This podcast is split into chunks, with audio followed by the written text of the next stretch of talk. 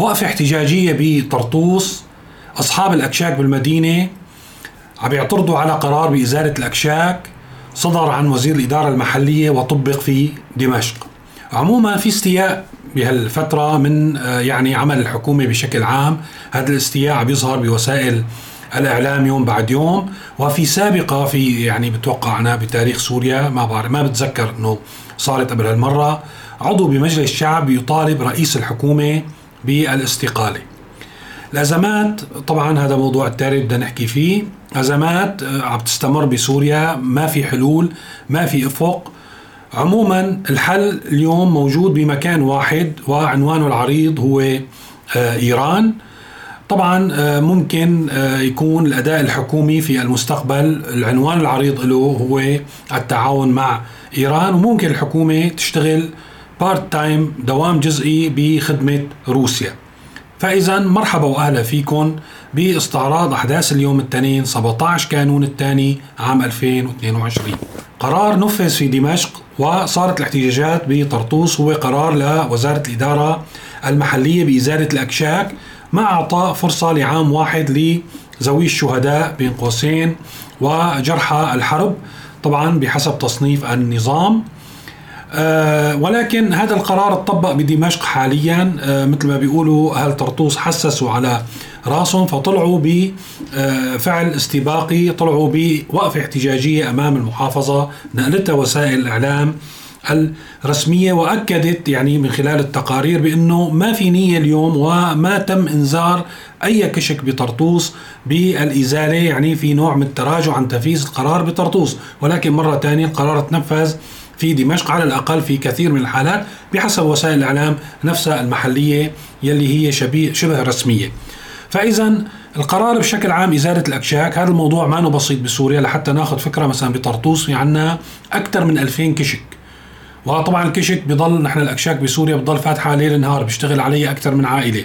بدمشق يقدر عدد الأكشاك بأكثر من 10000 كشك. وهكذا في المدن السورية الخاضعة لسيطرة النظام هو قطاع واسع وكبير يعني لا يمكن أن نستقل به أو بالعدد يلي منتفع من خلال أو المتعيش خلينا نقول من هذا القطاع. هلا نحن بنيجي بنسأل حالنا طب شو هالتشدد اليوم نحن بهالأزمة المعيشية الخانقة آه، فرص عمل ما في يعني معدلات البطالة مرتفعة الناس مو ملاقي الخبز في عندك أنت خلينا نقول عشرات آلاف العائلات عم يعيشوا من وراء الأكشاك. شو عدا ما بدأ يطلع قرار بإغلاق هذه الأكشاك؟ خاصة يعني نحن ما رح نحكي بهالظروف عن جمالية المدن. مدن في معظمها السورية مدن عشوائية يعني الأحياء كل المناطق يعني دمشق مثلا 70% آه، خلينا نقول آه، سكن عشوائي والباقي ممكن يكون منظم. والمنظم هو بناء الإسكان العسكري هي الأبنية العمالية الإسمنتية القبيحة يلي آه، تنتمي إلى العهد الشيوعي. ليش بدهم يسكروا الأكشاك؟ لهالناس البسطاء ويخربوا بيوتهم. يعني شو الهدف؟ الحقيقة يبدو الموضوع فيه الغز. وصلتني معلومات ولكن بحاجة إلى تأكيد. عم بقولها لأن هي منطقية وفي سياق ما يجري. بأنه هناك نية لتنظيم عمل الأكشاك وإعطاء الرخص وربطها بكيان يعني كل الأكشاك في سوريا تربط بكيان واحد يرتبط بهذا الكيان بأسماء الأسد زوجة الرئيس بشار الأسد. لمثل ما قلنا هذا القطاع محرز. لا يمكن أن يترك في مثل هذه الظروف وأنه طبعا معظم الآخذين تراخيص الأكشاك يا بيكونوا متعاونين مع الأمن يا بيكونوا مثل ما قلنا من ذوي الشهداء آه، بحسب تصنيف آه، النظام ومن جرحى الحرب. يعني نوع من العطاءات لحتى يستفيدوا الناس ويعيشوا. طبعا هذا الموضوع عمره سنوات وعقود يعني مو بس خلال العشر سنوات الأخيرة.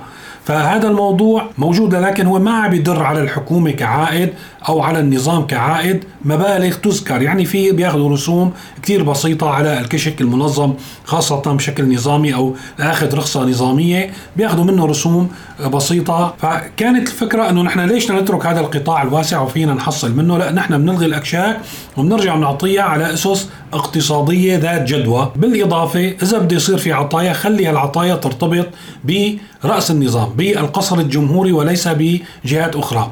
لا وزير ولا محافظ ولا مسؤول أمني.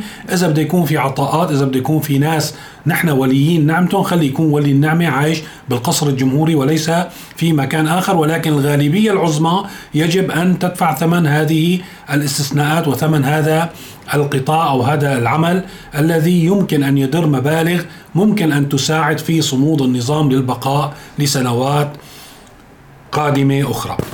عموما في استياء واسع من أداء الحكومي.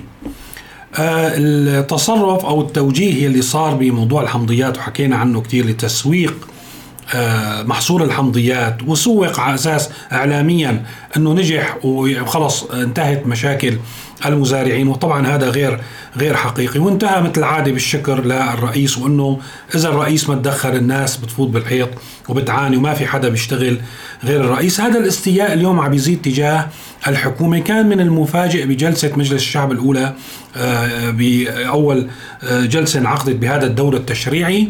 كان في نوع من الاستجواب للحكومة ولرئيس. الحكومة بنتفاجئ إنه في عضو بمجلس الشعب هو في أكثر من عضو حكى ورفع يعني السقف في انتقاده للحكومة. أحد أعضاء مجلس الشعب طالب بعد يعني آه، مطولة آلة يعني مداخلة طويلة آلة بالمجلس. طالب رئيس الوزراء بالاستقالة أو الوزارة بالاستقالة إذا ما حسنانين يوجدوا الحلول لمعظم المشاكل يلي عم بتصير في البلد. طيب هون نحن فينا نقرأ هذا الموضوع. طبعا هذا الموضوع ما بيصير بشكل تلقائي وعشوائي. ما في يعني آه، عضو مجلس الشعب ابن أمه وأبوه بيطلع بيحكي كلمة أو بيحكي بهذا السقف العالي بدون ما يكون في توجيه. فاذا هذا الموضوع مخطط. في اليوم خطة يعني واضحة بأنه نحن آه، نوجه الغضب نوجه الانتقاد نوجه هالتململ اللي عم بيصير والاستياء اللي عم بيصير بالشارع السوري تجاه الحكومة. في مطالبات من قبل أعضاء مجلس الشعب اليوم صار عندنا باستقالة الحكومة فإذا ممكن نشم ريحة تغيير وزاري قريبة قادمة. يعني هذا الموضوع هيك بيصير بسوريا وهيك تفسيره ما له غير تفسير. يعني ما فينا نقرأ يلي صار بمجلس الشعب اليوم ويلي عم بيصير بوسائل الإعلام والتلميح إلى التقصير الحكومي ومطالبة مباشرة تحت قبة مجلس الشعب استقالة رئيس مجلس وزراء أو استقالة الحكومة هذا شيء بريء لا هذا شيء مخطط.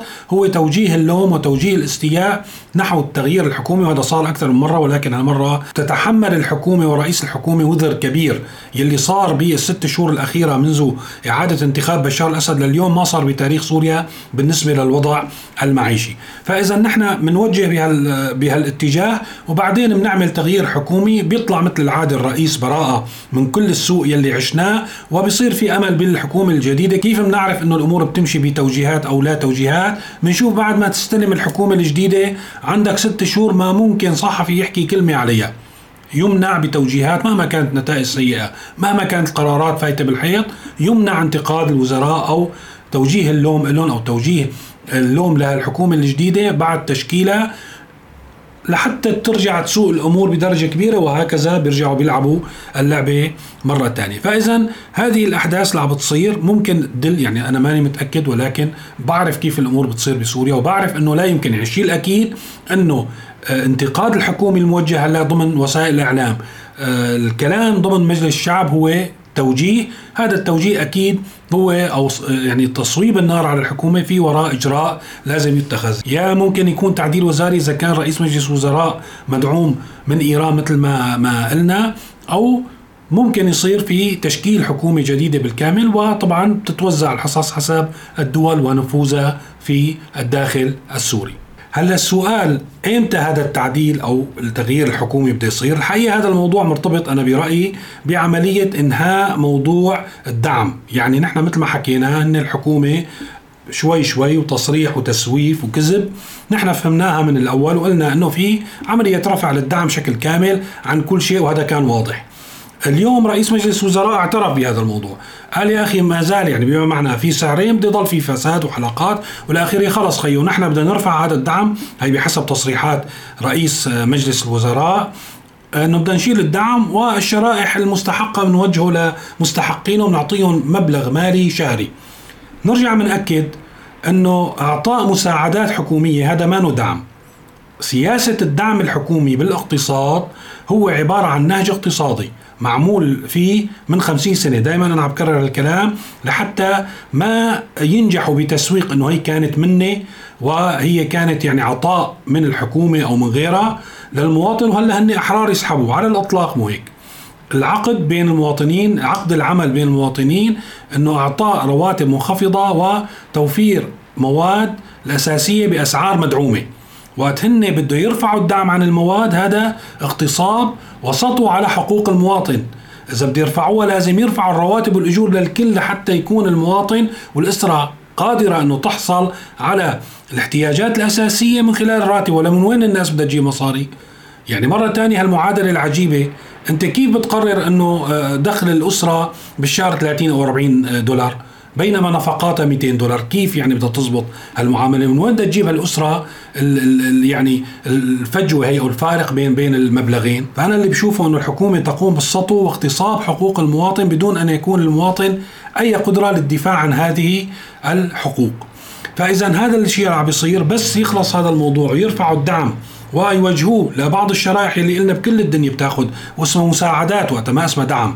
الدعم هو مثل ما حكينا ناجح اقتصادي. هذا يلي بده يعملوه إنه يعطوا مبالغ مالية للناس المحتاجين يلي بده يقولوا اريد دعما. موظف والله معاون وزير وزير راتبه 200 300 400 ألف. هذا هو بحاجة للدعم الحقيقة. يعني إذا بده يعتمد على راتبه مهما كان الموظف يعني مرتبته كبيرة بحسب سلم الرواتب والأجور في فجوة كبيرة بينه وبين آه، يعني الحد الأدنى من المستلزمات أو النفقات.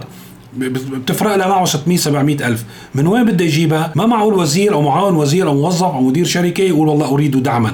فاذا هو نوع من السطو واغتصاب حقوق الناس فإذا بدنا نجاوب على السؤال إمتى بده يصير التغيير الحكومي لحتى ينتهوا من هالسوء هذا من هال خلينا نسميها البذاءة من هالمآبحة يلي بدها تصير. تتحمل هالحكومة كل السوء يلي صار خلال الست شهور. بتتحمل إنه صار في فجوة بين الدخل والنفقات أكثر من آه، يعني آه، عشرات أضعاف الراتب وقتها بينتقلوا للحكومة الجديدة.